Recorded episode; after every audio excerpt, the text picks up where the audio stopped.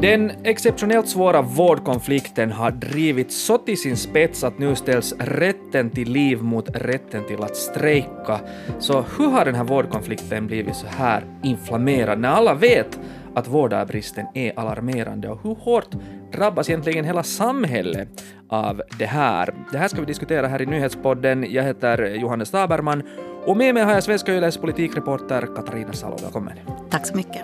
Uh, du har följt med och rapporterat om den här liksom upptrappade vårdkonflikten som nu pågår på flera fronter. Jag menar, den pågår vid förhandlingsbordet, nere på sjukhusgolvet, i riksdagshuset, utanför riksdagshuset. Så var står vi egentligen nu i den här svåra konflikten? No, vi står på väldigt många olika ben, som du säger, på olika ställen. Alltså den här krisen vi är i just nu äh, börjar ju i början av det här året mm. äh, när det var avtalsförhandlingar mellan vårdfacken och äh, kommun och välfärdssamhälles arbetsgivarna KT Um, och det blev inget avtal helt enkelt. Och sen mars har de här förhandlingarna varit hos riksförlikningsmannen och härifrån har det liksom trappats upp. Mm. Det har inte synts någon lösning på det här och eh, Därför har man gått till olika såna här stridsåtgärder då från fackförbundens sida. Och nu sitter vi här, att vi har en patientsäkerhetslag och eh, som du säger så har vi två grundrättigheter nu som står mot varandra. Mm. Men det här är ju någonting som har börjat för många, många år sedan och som nu helt enkelt då har drivit sin spets. Ja, precis. Och nya strejker är också på kommande trots att man nu har försökt då eh, förhindra de värsta strejkerna, om man säger så, de som gäller inom intensivvården. Men jag funderar nu på något sätt liksom att, att på båda sidor av förhandlingsbordet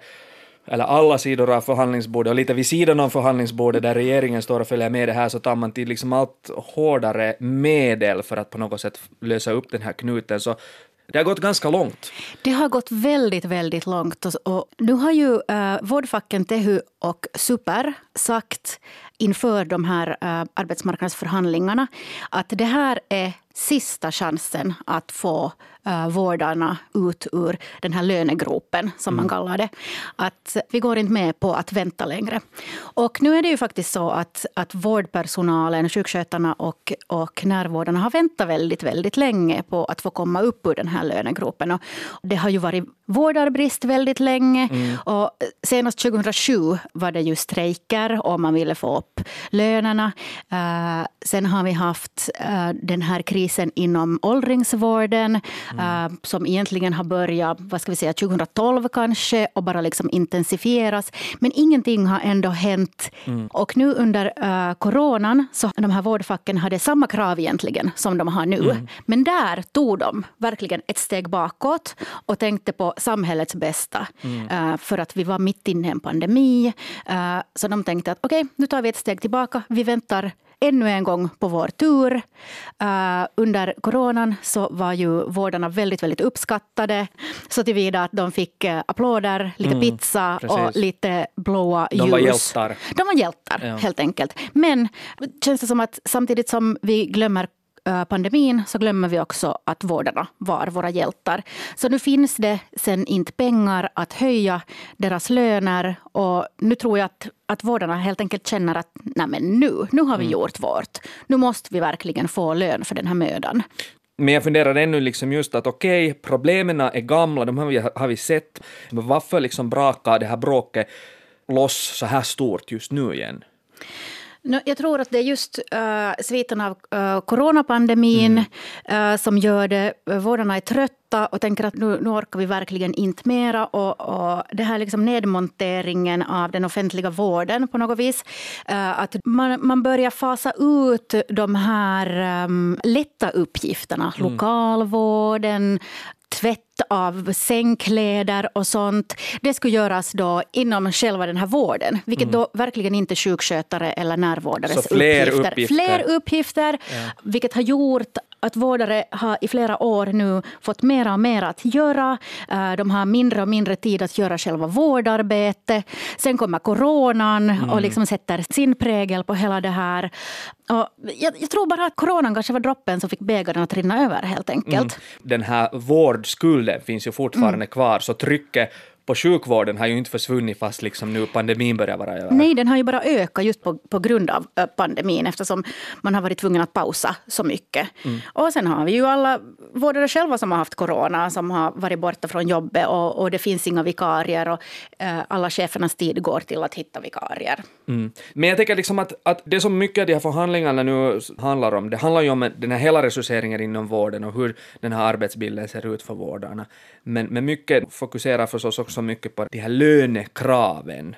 Vad skulle du säga, vad är det för lönekrav vi talar om och är de liksom rättvisa? Um, no, jo, alltså THO Super har ett femårs uh, löneprogram som de vill ha igenom. Där de helt enkelt vill ha en 3,6 procentig höjning över den allmänna mm. uh, höjningen. Uh, och det där, när jag har kollat på det här så betyder det om vi har en, en, en så här grundlön för en sjukskötare på ungefär 2 500 euro i månaden nu så skulle det betyda inom fem år en höjning till lite på 3 000 euro i månaden. Mm. Så när man liksom drar ut det så är det ju inte jättemycket ändå. Om man tänker att en sjukskötare om fem år skulle ha en grundlön på 3 000 euro. Mm. känns ju helt rimligt ändå. Ja, uh, procentuellt är det förstås liksom en klar förbättring. Mm från mm. var de startar, men de startar från en ganska låg nivå. Då. De startar från en låg nivå, speciellt när man tänker att sjukskötare har eh, en lika lång eh, och jämförbar utbildning som ingenjörer. Mm. Det är de här två man ofta brukar jämföra. Och, och sjukskötarna har en mycket lägre grundlön. Men jo, det här är då kravet. Uh, och de andra fackförbunden de ställer sig negativt till det här eftersom eh, de känner att okej, okay, nu har de här vårdfacken redan bestämt att vi kommer inte att få den där högsta lönen. Att vår lön kommer alltid att vara 3,6 procent mm. lägre än vårdarnas. Mm. Så här skulle det då krävas kanske lite solidaritet mm. inom uh, fackförbundsrörelsen om man verkligen vill att vårdarna ska komma ur den här lönegropen. Men, men, kan, men kan man liksom säga då så här som att, att liksom THO Super försöker, de har sagt då att de vill dra upp liksom vårdarna ur den här eh, lönegropen, men att kanske de nu liksom försöker dra upp dem lite väl högt från lönegropen och, och borde landa på marknivå. Ja, men det beror väl på hur långt nere den där gropen är mm. och var marken är.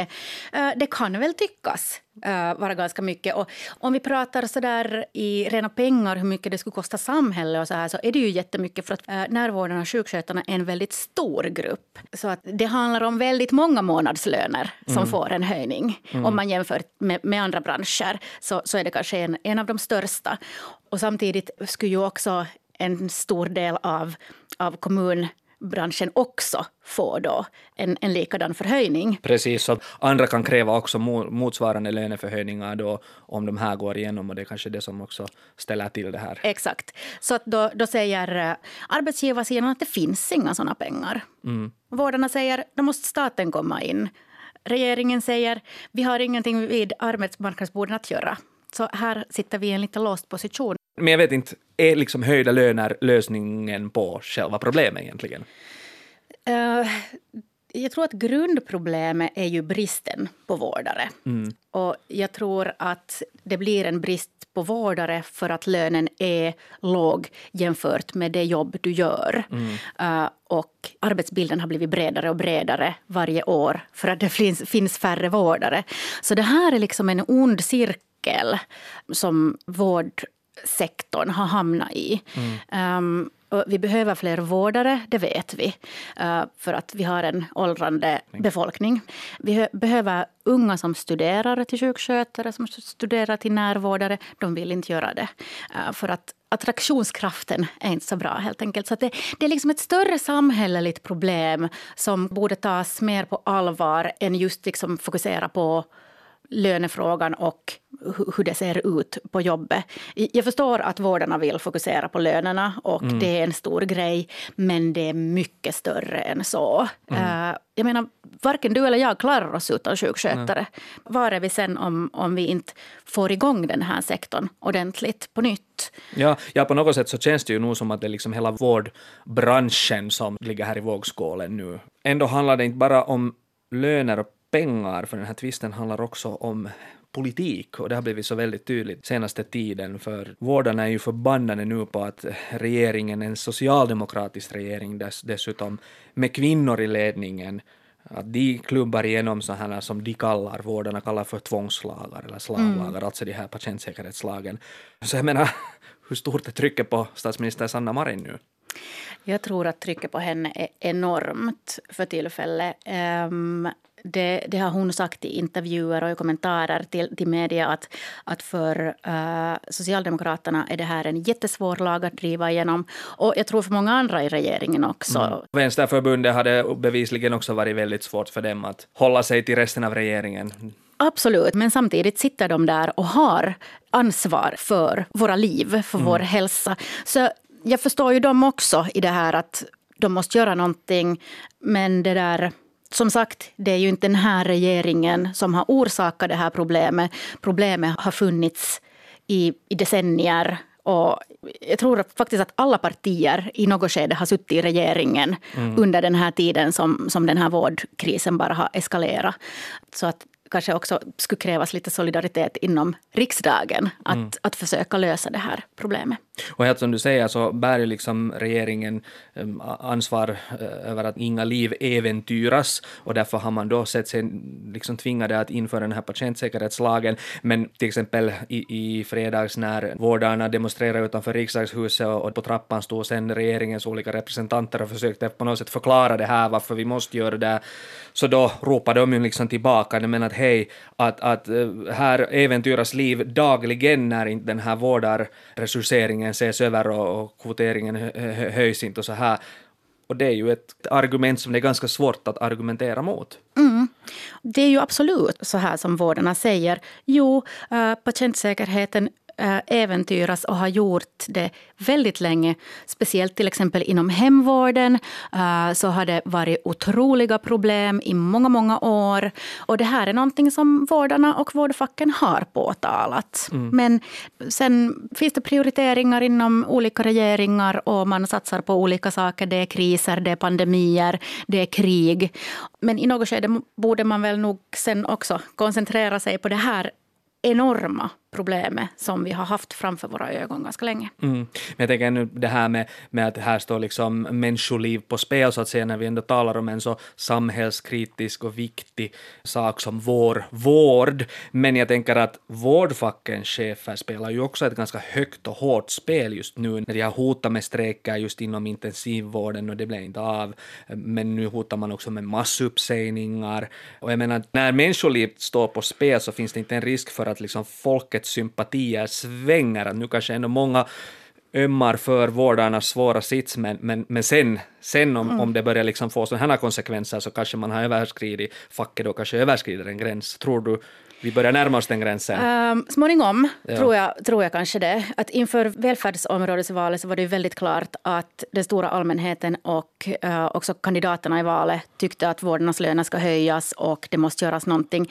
Nu har jag inte riktigt hört det här samma uh, ljudet från allmänheten. Att det mm. känns redan att folk lite har börjat fundera att jaha, men om, det, om alla säger upp sig, vem ska då sköta om min mamma eller mitt barn? Så Visst, stridsåtgärder um, är absolut bra. Annars skulle till exempel kvinnor inte ha rösträtt idag om det inte skulle ha varit en allmän strejk då 1906 eller när det var. Men jo, i något skede kommer det nog säkert mot en, en gräns där man som så att säga vanlig människa tänker att när nu måste någon ge mm. sig. Mm. Att, att nu går det för långt. Mm. Jag tänker också att den här hela liksom, det att den här vårdar tvisten, konflikten har blivit så här inflammerad att det också liksom skadar hela branschen och i förlängningen hela samhället. Därför för att det är ju inte som sagt hemskt bra marknadsföring för branschen om inte lönerna höjs om, om de här liksom arbetsförhållandena är så här svåra, men om det också finns ett jättestort missnöje bland de folk som jobbar. Folk söker sig bort. Vi ser nu att hemskt många vill liksom plockas bort från Valviras sån här vårdarregister. Så man kan väl kanske tala om en tickande bomb här, tycker jag. Ja, nu är det ju lite en tickande bomb och det är just den här onda cirkeln. Ehm, um, 2007 hotade man senast med massuppsägningar och då fick vårdarna en, en högre lön men sen i, i följande, följande omgång så höjdes alla löner så de kom ändå inte ur den här gropen. Så att nu, nu tror jag bara att vårdfacken måste kanske använda nu sina lyskraftiga ordföranden och, och dra det här då till slutet och se vad som händer helt enkelt. Um, exploderar det då eller kommer man att få till ett avtal? Jag vet inte. Och ju längre tiden går desto närmare kryper valet in på, vilket kanske är till vårdarnas fördel. Troligen. Mm. Det, det finns en stor chans eller risk att det här blir en, en stor valfråga. Mm. Uh, vi kanske kommer att se att det rör på sig här under de närmaste dagarna, men, men, men någon sån här lösning på hela problematiken kan vi nog inte vänta oss säkert på en, på en god tid. Kanske vi får ett avtal så småningom, uh, men uh, den här krisen handlar om så mycket mer än det. Så att, To ja, be continued. To be continued i flera år tror jag, tyvärr. Mm, tyvärr. Tack Katarina Salo för att du kom hit i alla fall och redde ut var vi nu står här i vårdartvisten. Tusen tack.